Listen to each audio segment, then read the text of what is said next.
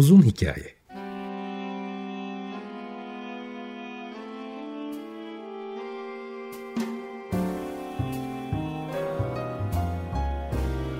Sinir bilim, psikoloji, felsefe ve müzik.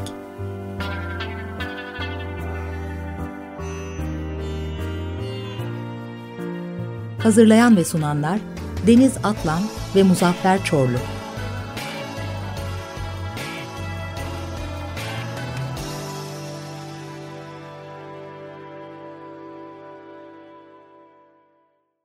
95.0 Açık Radyo'dan, Açık Radyo.com.tr ve onun uzun hikayesinden herkese selamlar. Geçtiğimiz haftalarda epey bir yapay zeka ve onunla ilgili konularda o konuların uzmanıyla konuşuyorduk. Geçen hafta e, ve ondan önceki hafta Tevfik e, Uyar'la beraber program yaptık. Sonra Tevfik bana dedi ki aslında bu çizgi roman işi ve e, yapay zeka ilişkisi de çok enteresan ve de beni Devrim Kunter'le tanıştırdı. Devrim de karşımda. Devrim hoş geldin. Hoş bulduk. Ne var ne yok. Memnun oldum tanıştığımıza. Aslında Devrim Kunter'i ismen duymuştum ama hani hem karşımda şimdi hem de e, çizgi romancı diyelim. Çünkü çiz, çizgi roman hem yazarı hem çizeri. Biraz önce yayına girmeden önce e, Avrupa'da ve Amerika'da genelde çizgi roman yazarının çizerinden ayrı olduğunu, e, Türkiye'de genelde de e, bir arada olduğunu söyledi. Şimdi şöyle yapacağız. Bugün tabii ki yapay zekayı ve çizgi romanı konuşacağız. Aslında sadece çizgi roman hikayesi değil sadece e, onunla beraber beraber e, oyun ve e, animasyon dünyasında da e,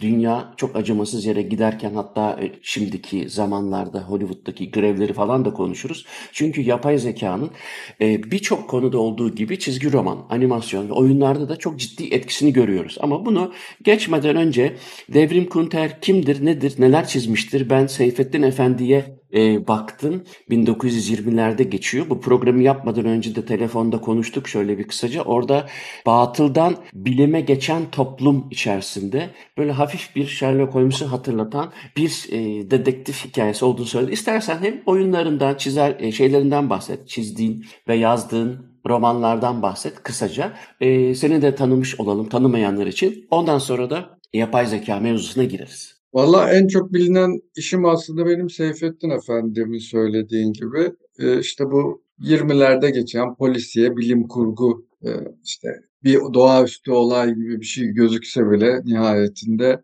bir bilimsel açıklamaya veya bilim kurgusal bir açıklamaya yönelik e, hikayenin sonucuna bağlayan. Çünkü o işte bizdeki Perili Köşk'tür, Gulyabani'dir o hikayelere de benzeyen, o bizdeki edebiyattan da referans alan e, bir çizgi roman. E, aslında onun biraz popüler olma sebebi ya bu çok eski örnekleri var. Sherlock Holmes dediğin için söyleyeceğim işte aman vermez avni faka basmaz zihni işte Arsène Lupin'in Cingöz Recaisi.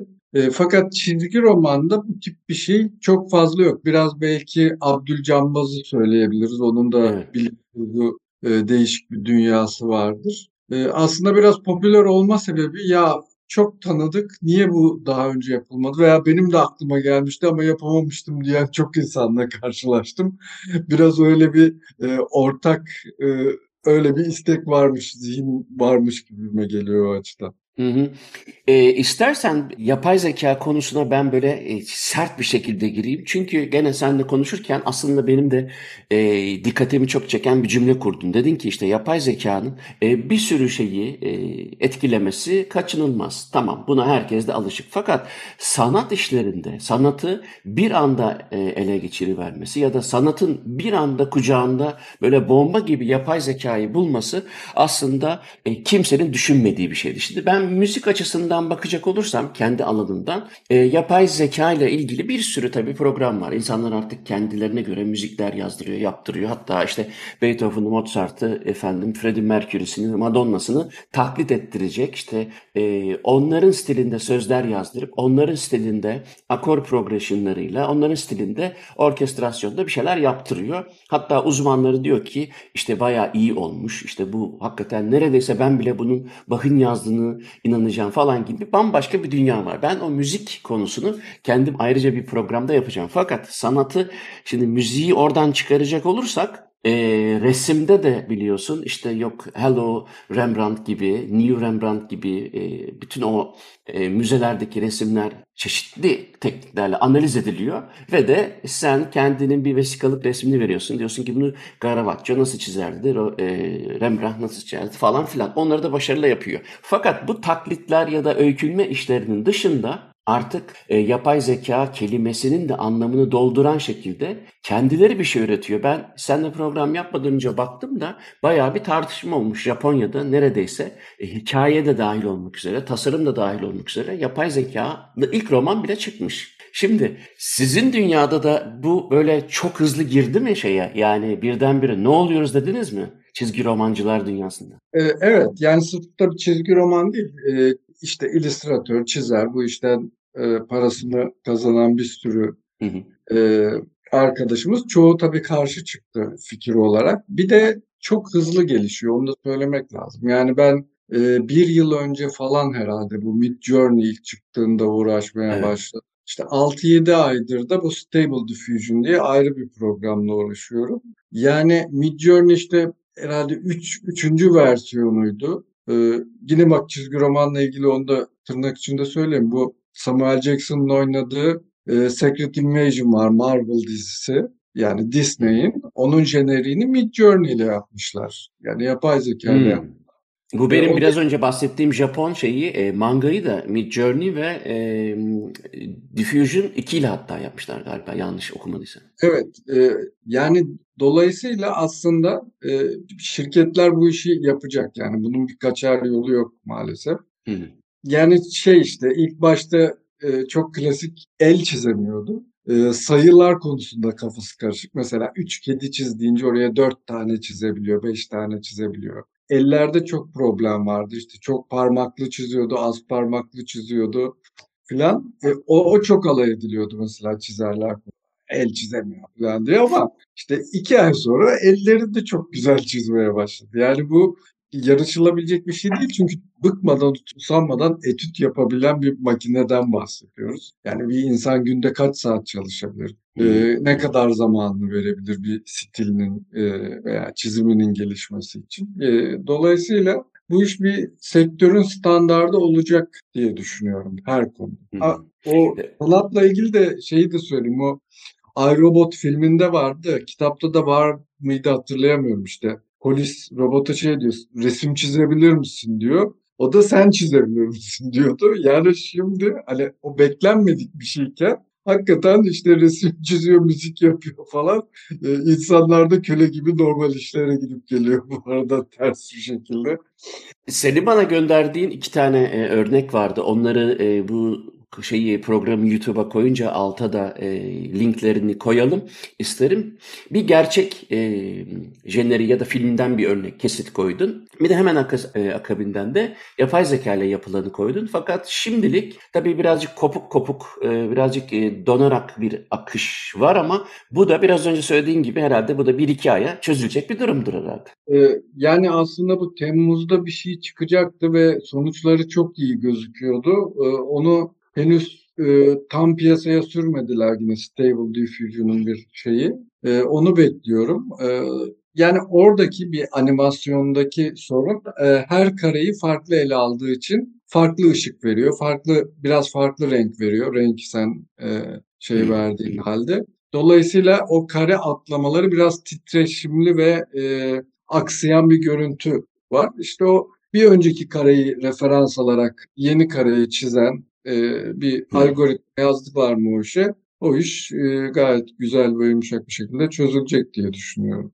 Şimdi tabii aslında hani robotlara alıştık okey sanat müzik işin içine girince sanatçılar bir yandan da bu işlerden hoşlanmamaya başladılar. Çünkü sonuçta ekmek aslanın ağzında tabiri caizse bana göre e, bu bir araç ve iyi kullanılabilir bir araç. Yani yaratıcının, e, yazarın, çizerin, müzisyenin neyse sanatçının yaratıcılığına katkıda bulunabilme olasılığı, onun yaratıcılığına engel olma olasılığından çok daha büyük olan görüyorum ben. Dolayısıyla benim bakışım pozitif ama tabii sonuçta bu işte, bu iş dünyasında emek isteyen Yani işte kopyalamaktır, işte bazı şeyleri yani bu dünyada emek isteyen bir sürü e, amele işler var. Yani elle yapılacak, göz nuru dökülecek falan. Bunları şimdi yaptığı için e, bunları sonuçta ona delege etmek, yapay zekaya bırakmak daha kolay. E, tek başına evde bir insan neler neler yapabilir. Fakat bu da tabii e, bir sürü kişinin, illüstratör olabilir bunlar ya da çizer olabilir.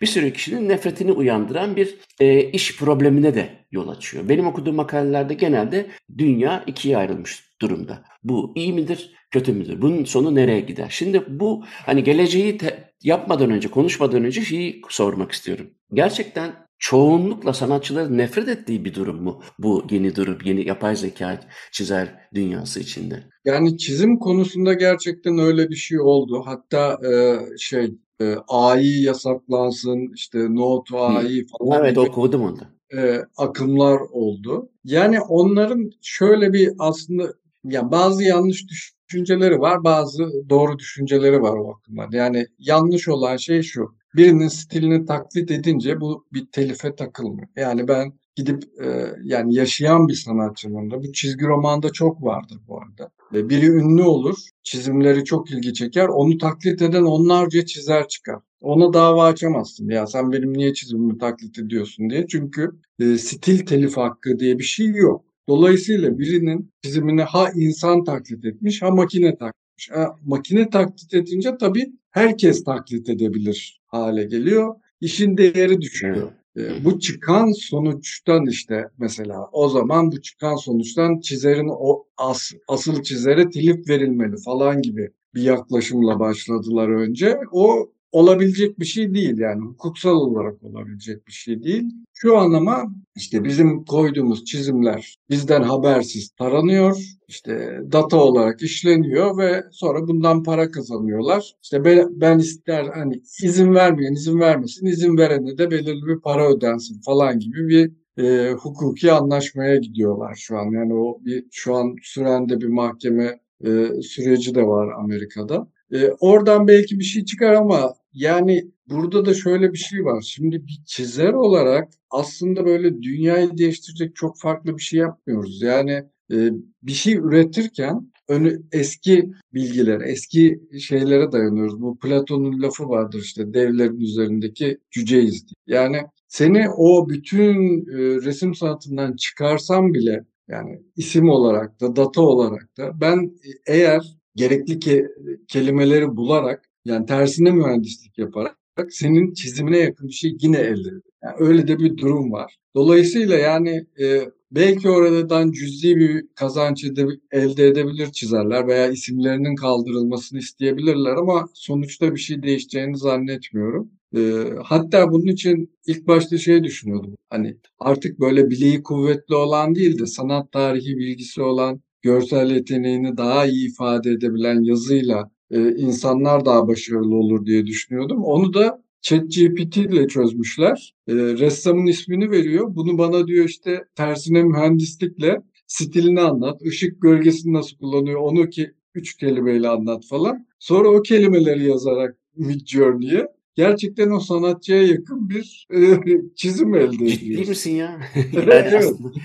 iki kademeyle çözüyorlar işi. Evet öyle bir e, tersine mühendislikte de çözülüyor ilginç bir şekilde.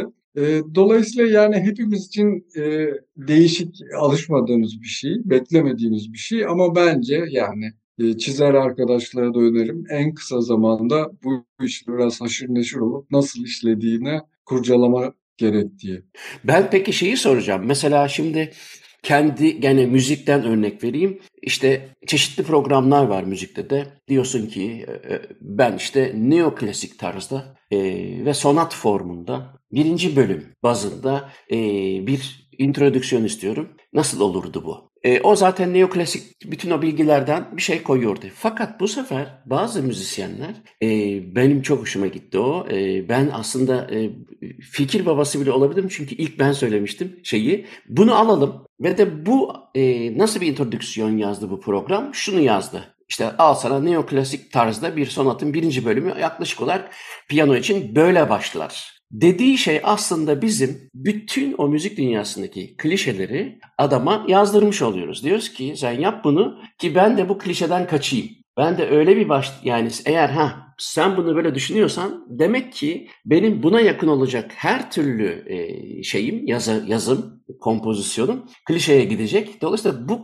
bunlar klişe ise ben bunların dışında böyle out of the box düşünebilecek meseleyi almış oluyorum. Ya da işte hani e, de, romantik bir senfoni birinci bölümü işte yıl da veriyorum. Dolayısıyla hani 1820'ler diyorum. Sen ona göre işte Bruckner'i mi düşünürsün, işte Beethoven'ı mı düşünürsün? O aralarda bir şey düşünüp bütün onlardan bir şey çıkarıyor ve sen de diyorsun ki ha bu demek ki klişesi böyleyse ben burayı birazcık farklı bir şey yapayım ki bu da böyle kalsın. Mesela sizde de öyle bir şey var mı? Hani e, tipik, klişe işte yani böyle artık kör gözün parmağına ha bunu dediğin zaman ortaya bu çıkıyor. Sen de bundan yararlanarak kendi çizimine ilhamlanacak bir farklılık görüyor musun? Düşünüyor musun öyle şeyler? Ya ben de benzer bir şey düşünmüştüm aslında. Çünkü belirli e, doneler vermezsen çok standart kendine has bir e, dili var mesela. Midjourney o yüzden e, tanınıyor. Yani e, bunu yapsa yapsa Mid Journey yaptırmış yapmıştır mı? Evet evet yani bu bu yapay zeka ile çizilmiş diye anlaşılıyor eğer e, özel bir stil, e, renk veya seçenek vermediyseniz. E, ama şöyle bir şey oldu ben kendim için söyleyebilirim. Hani bu bu işle çok haşır neşir olunca mesela ışık gölgesini o kadar iyi yapıyor ki genel olarak. E, bu aslında kendi hatalarımı görmeye başladım. İyi bir etüt malzemesi de oldu. Yani ee, hatta şimdi mesela böyle iyi çizer diye düşündüğüm insanlara bakıyorum. Adam Aa, aslında doğru çizmemiş. Bayağı ışığını gölgesini yanlış yapmış falan demeye başladım.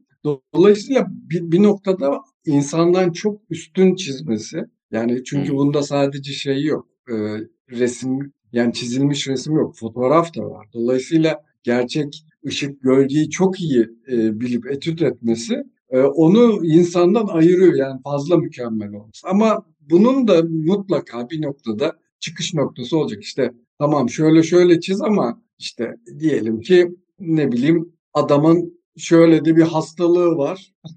ona göre çiz diyeceğiz veya müziği ona göre bestele diyeceğiz. Oradan o sapmaları da yakalayabileceğiz diye düşünüyorum. Yani şu an evet dediğiniz gibi o klişeler üzerinden e, o bildiğimiz şeyi aslında onun bilemediğimiz şeyi onu da bir noktada söylemek lazım. Bu sanatı matematiğe oturtamadığımız için eğitimlerimiz de çok iyi değildir. Yani etüt etme üzerinedir sanat çalışması. İşte resmi bakarsın, çizersin, kopyalarsın. Yani e, onun bir matematiğini e, yani şey olarak matematik denklemi gibi anlatamadığımız için e, belki renk bulma konusunda anlatılabilir bu sadece. E, oradaki çözümlemelerimiz de e, iyi sonuç vermiyor. Belki bu yapay zeka sayesinde onun nasıl çözdüğünü anlayarak bu sanat konusunu biraz daha böyle bilimsel matematik e, kısmına da çekebiliriz. Yani sanatı böyle bilimle daha iyi anlayabiliriz diye de düşünüyorum. Şimdi biz birçok e, yazar çizerde e, çizgi roman bağlamında söylüyorum, animasyon bağlamında söylüyorum.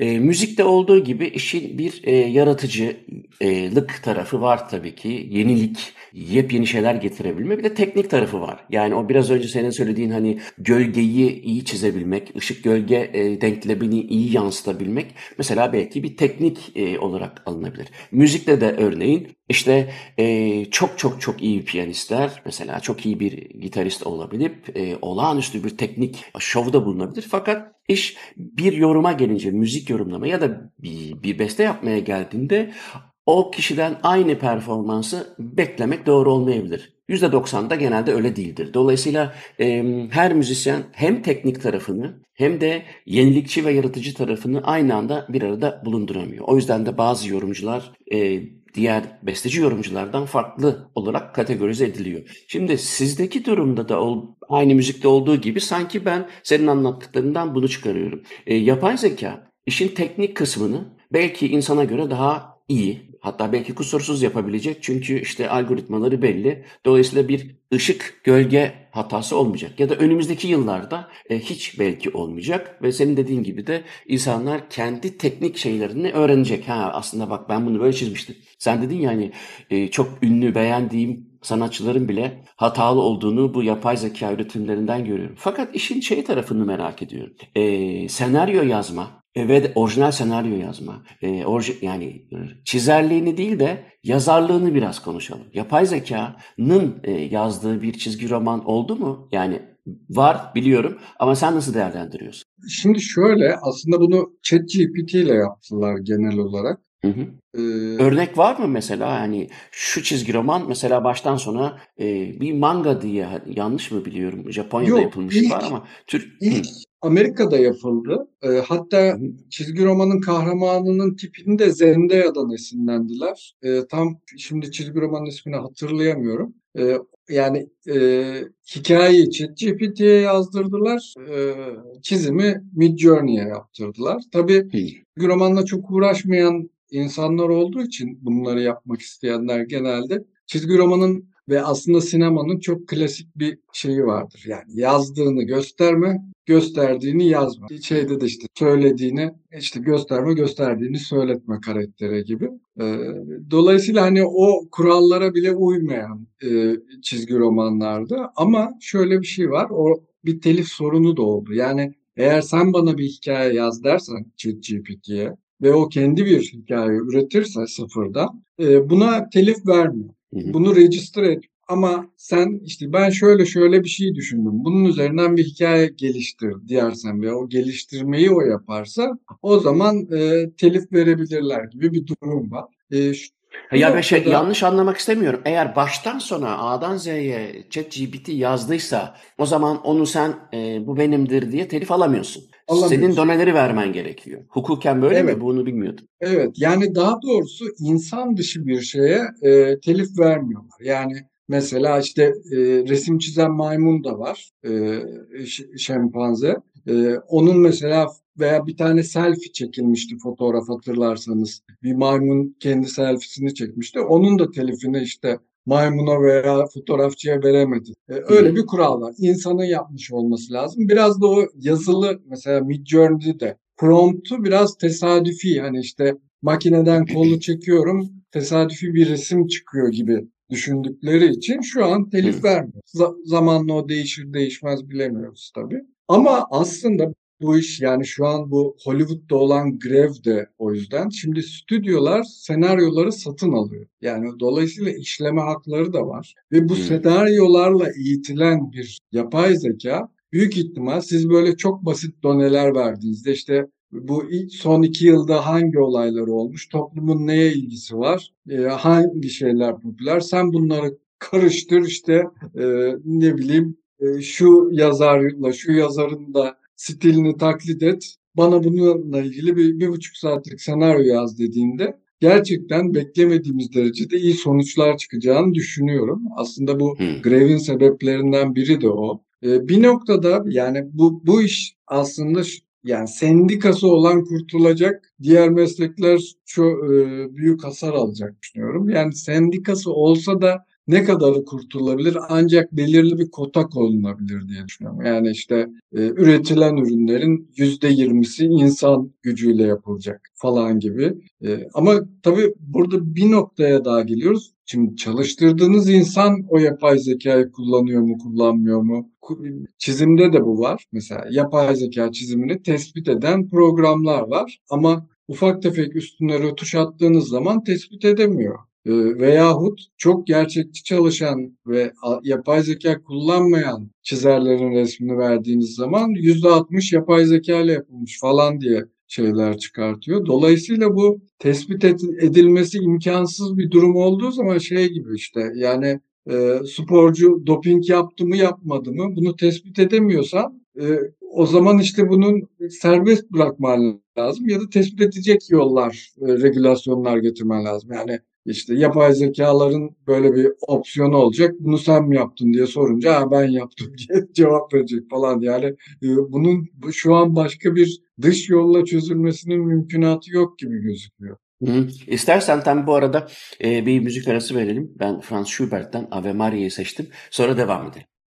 Franz Schubert'ten Ave Maria'yı dinledik. E, bugün konuğum yazar, çizgi romancı Devrim Kunter. Yapay zeka ile çizgi roman, animasyon işlerini konuşuyoruz. Yararları, zararları. Fakat ben şu Hollywood işini birazcık açacağım. Bu grev işini. Çünkü e, bu konu iyicene tırmanıyor ve e, aslında hem telif hakları sorununu beraberinde getiriyor. Biraz önce değindin. Ama bir o kadar da e, aslında yapay zekanın yaratıcılığı konusunda, daha doğrusu üreter, üretkenliği konusunda e, dünyada şu anda bayağı konuşulan bir hani İngilizce'de hot topic derler ya öyle herkesin e, bir anda kucağında bulduğu şey. Onu ayrıca biraz daha açalım istiyorum ama ben şey sorayım kişisel olarak. Sen nasıl yararlanıyorsun? Şimdi yılların çizgi romancısısın. E, ve de bu e, yapay zeka işleri şurada e, birkaç aylık, birkaç yıllık işler. E, sende ne gibi değişikliklere yol açtı? Mesela bu e, bir kırılma noktası mı senin için? Yani yıllarını bir düşürürsen yapay zeka öncesi çok daha uzun bir e, üretkenliğin var. Yapay zeka sonrasında kısa bir dönem var. Bunu bir kırılma noktası olarak görüyor musun? Ya da sende nasıl değişikliklere yol açtı bu? Tabii herkesin şeyi farklı. Da benim için şöyle söyleyeyim. Ben başta işte bu Midjourney'i kullanayım dedim. Çok e, efektif kullanılan. Ne zaman bu? Ne, ne zamandan işte bir, bir yıl evvel falan. Bir yıl, bir yıl önce. Olmuştur tamam. diye tahmin ediyorum. E, mesela işte e, bu yapay zeka çizim programlarındaki en büyük sorunlardan biri işte. İki kişi tasvir ediyorsunuz. İşte sarı saçlı bir kadın ve esmer bir adam gibi. E, onu karıştırabiliyor işte. Esmer kadın yapıyor, sarışın adam yapıyor, iki tane kadın yapıyor falan. Yani Midjourney'nin öyle problemleri var. Dolayısıyla işte mesela tek tek alıp onları Photoshop'la birleştirip falan bir çizgi roman yapılabilir mi diye uğraştım ilk başta. Ee, sonra bu Stable Diffusion'a geçince onda e, daha farklı özellikler olduğunu fark ettim. Yani basit bir eskiz çiziyorsunuz, onu e, şey yapıyor yani e, eğer eğittiyseniz sizin çiziminize çeviriyor. E, veya yine aynı Midjourney gibi yazı yazarak da resim çıkartabilirsiniz. Veya işte o eskiz olmayabilir. Referans bir fotoğraf koyarsınız onu da aynı şekilde yine sizin filtrenizden geçiriyor. Yani bir nevi filtre işi görüyor e, Stable Diffusion bu konuda.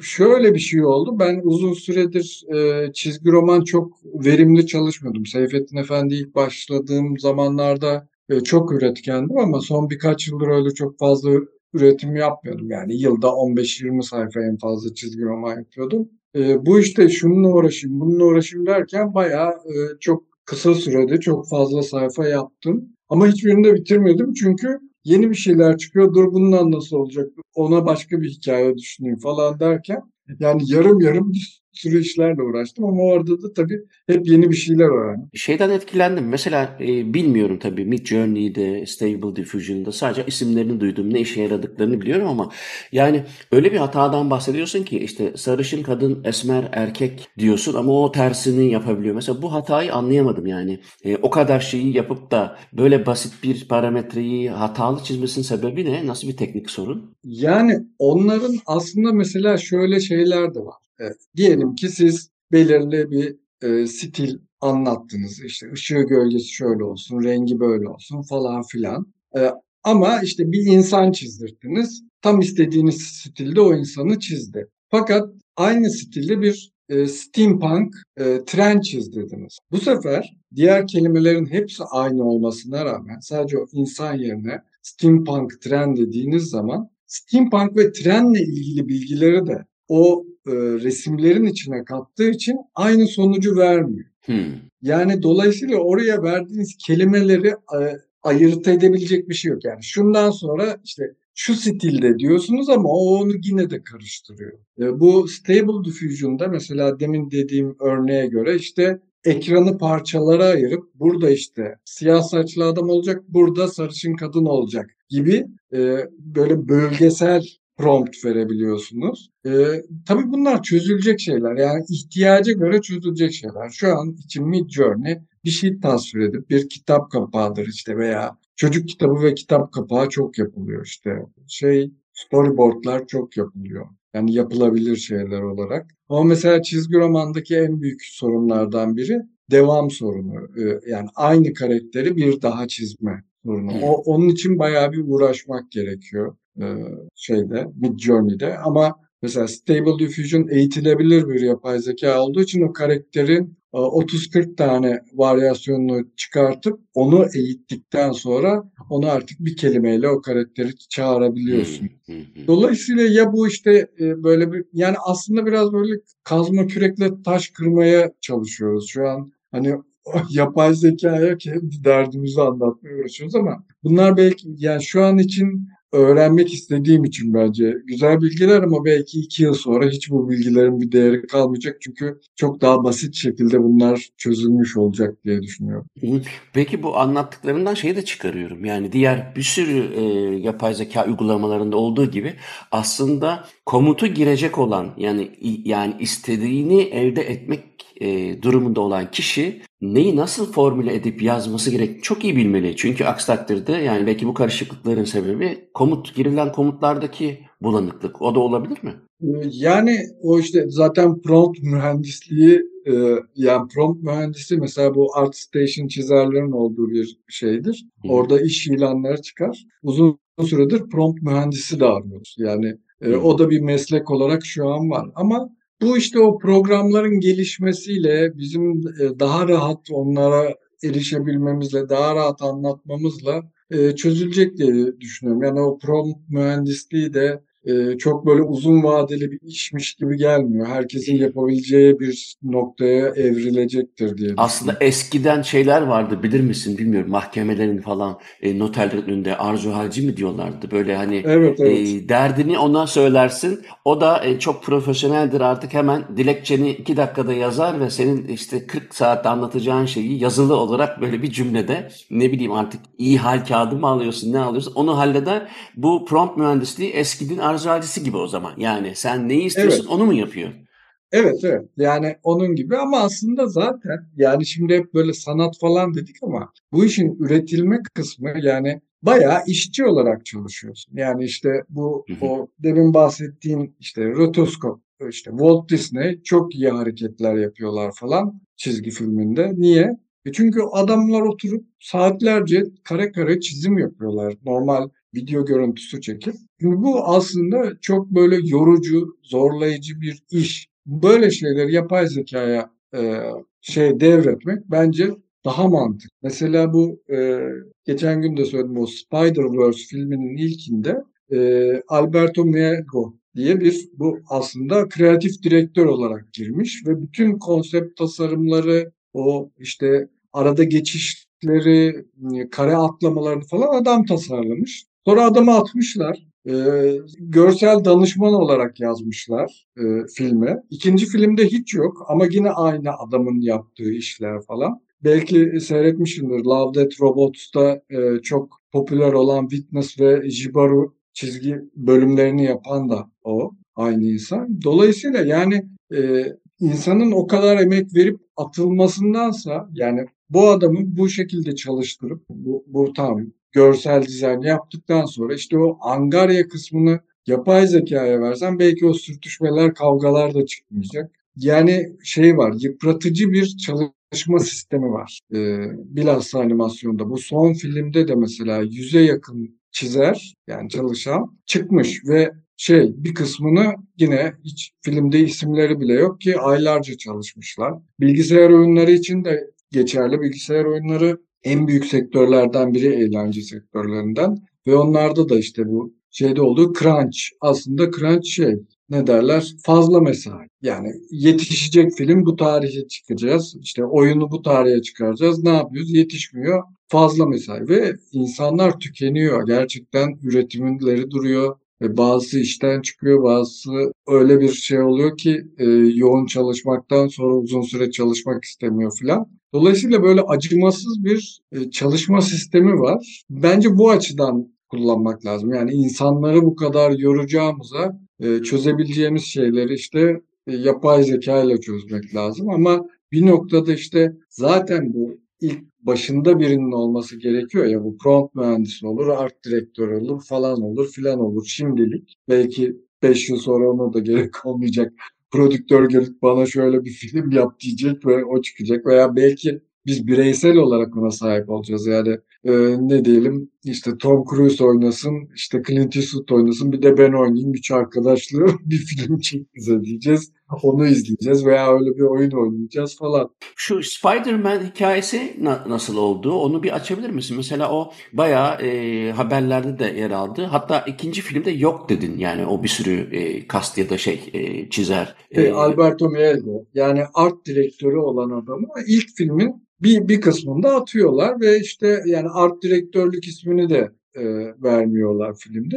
E, ikinci filmde de hiç yok. Yani aslında bu da aynı bu Midjourney'nin stil taklit etmesi gibi bir şey. Adam stili tasarlamış, ikinci filmde de onu taklit etmişler ama adam yok. Adam olmadan da yapılabiliyor çünkü. peki bu. onun bir hukuki e, şeyi var mı şu anda bir sü- süreci?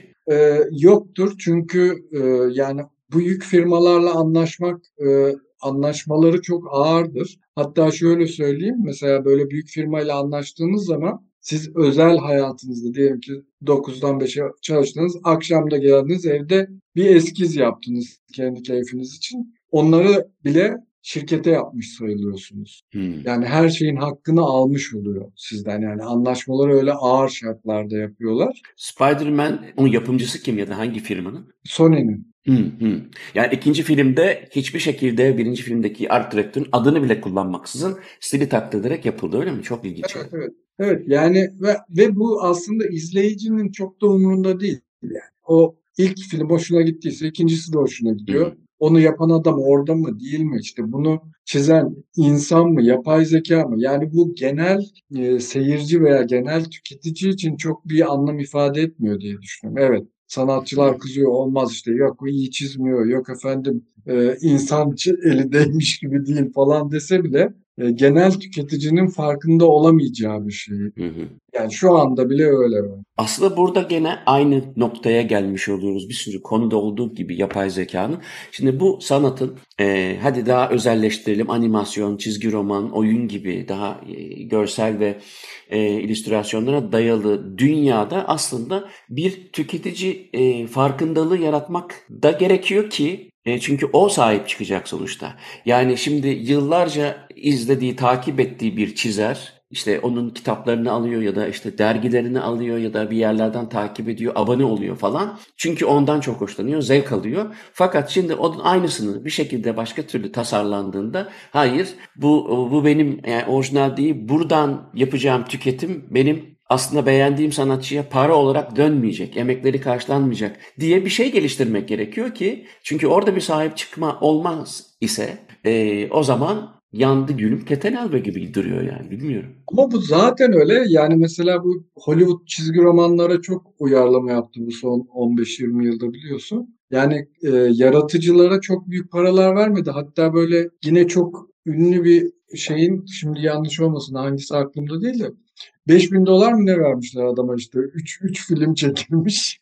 Asıl çizgi roman yaratıcısı da toplamda 5000 dolar gibi bir para vermişler. Ee, yani büyük ihtimal onu da aslında vermeseler de olurmuş da hani ayıp olmasın diye vermişler gibi bir durum var. Dolayısıyla aslında zaten bu böyle süren bir şey. Ee, mesela bu Hollywood'daki oyuncuların sendikalaşma sebebi e, o eski tarihe bakarsanız firmalar oyuncuyla işte 15 filmlik anlaşma yapıyor. Hı.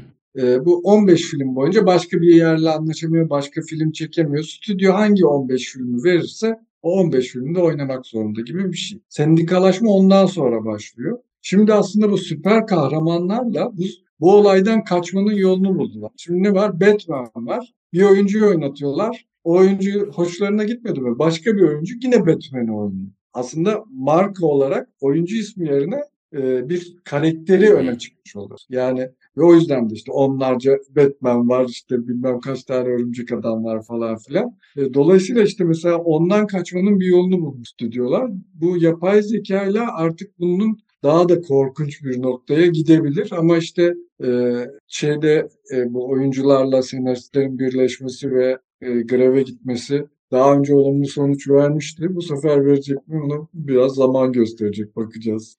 Zaten hemen hemen bütün konularda yapay zekanın girdiği her konuda terapisinden işte e, kitap, şiir, çizgi romanından müziğe, sporundan işte hepsinde bomboş gözüken bir hukuki e, düzlem var. Yani işte ortaya çıkan sorunları çöze çöze bir hukuk gelişecek gibi gözüküyor ama ben onu ayrıca bir program yapacağım. Yapay zeka ve hukuk konusu çok önem kazanacak. Şu anda bile işte Hollywood'da olup bitenlerin dışında yazarların, çizerlerin, üreten insanların e, genelde şikayet etmesinin sebebi bu ama bir kısmı da tabii yararlanıyor da. E, fakat orada bir zorluk var. Son, son konuyu şey sen aslında söyledin orayı ben oraya gelecektim ama birazcık bahsettin. Şimdi e, ben şu çizgi romanda oynamak istiyorum. Bu karakteri işte yerine beni koy e, gibi ya da mesela diyelim ki tamamen hayal üretelim şimdi. Diyelim ki ben e, neyi seviyorum? Hadi Seyfettin Efendi'yi e, çok seviyorum. Oradaki şeyleri, e, hikayeleri, işte senin ele alış biçimini, çizgini vesaireni hepsini de okuyorum ve diyorum ki tamam e, bana bir tane şey yap ürün istiyorum senden. Seyfettin Efendi ben oynuyorum. Ee, ama hani e, biraz daha konuyu işte 1920'ler Türkiye'sine ya da şeye getirmede 1880'ler İngiltere Victoria dönemine götür. Böyle bana Karın de Sherlock Holmes kıvamında bir şey yap ee, ve ben de olayım ve zevkli de okuyayım. Şimdi bu mesela e, kişiye özel, bu custom made üretimlerin olmasını bekliyor musun? Ben mesela bilmiyorum ama herhalde çok kişi ister bunu gibi geliyor. Doğru mu düşünüyorum? Evet evet bence de yani zaten asıl eğlenceli kısmı olacak. Sadece kendimizin olması değil, e, yani kendi keyif isteğimize göre bir şeylerin olması. Yani nasıl işte Spotify algoritması siz bak bu şarkıyı beğenirsin diye seni çözebiliyor. Aslında yani biz kendimizi biraz fazla komplike zannediyoruz belki ama mesela bu Stable Diffusion'da da 100 tane e, işte 512'ye 512 piksel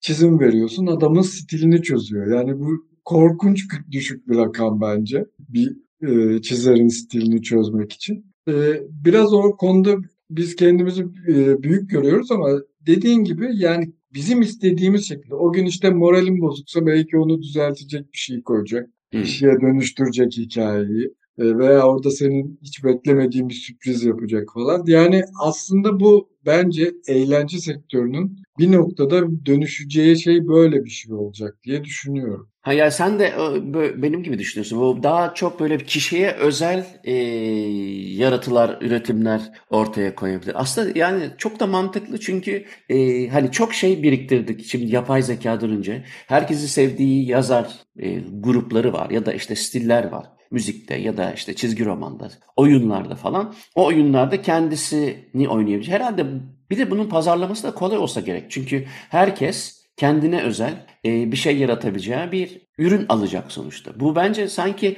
çok yakın zamanda görebileceğimiz bir şey gibi geliyor. Çünkü satılabilmesi çok kolay. Yani e, bu öyle bir uygulama yapılabilir ki o uygulamada sen kendin artık hangi daldan neyden hoşlanıyorsan kendini ortaya koyabilirsin. Bu satacak gibi geliyor bana ne dersin? Ee, yani büyük ihtimal mesela pek bahsetmedik ama aslında promptla video üreten e, yapay zekalar da çıktı. Şu an çok başarılı değil onlar. Hatta biraz korkunç. Onlar biraz e, şeye düşüyor. Uncanny Valley'e düşüyor. E, insan görünümleri falan biraz e, korkunç canavarımsı oluyor. Yani bu işin yani bu eğlence sektörünün büyük bir kısmı böyle bir şeye dönüşecek diye düşünüyorum. Mesela çünkü e, senin için üretilmeyecek şeyler de var. Yani e, biri paylaşmıştı. Bu Midjourney'de gördüm. İşte İtalyan yapımı B filmi Star Wars çakması fotoğraflar yapmış. Ondan sonra ben B filmi çok severim ve ben öyle bir film izlemek istiyorum gerçekten. Yani keşke olsa ve böyle İtalyanlar 70'lerde bir Star Wars çakması yapalım deseler nasıl yaparlardı.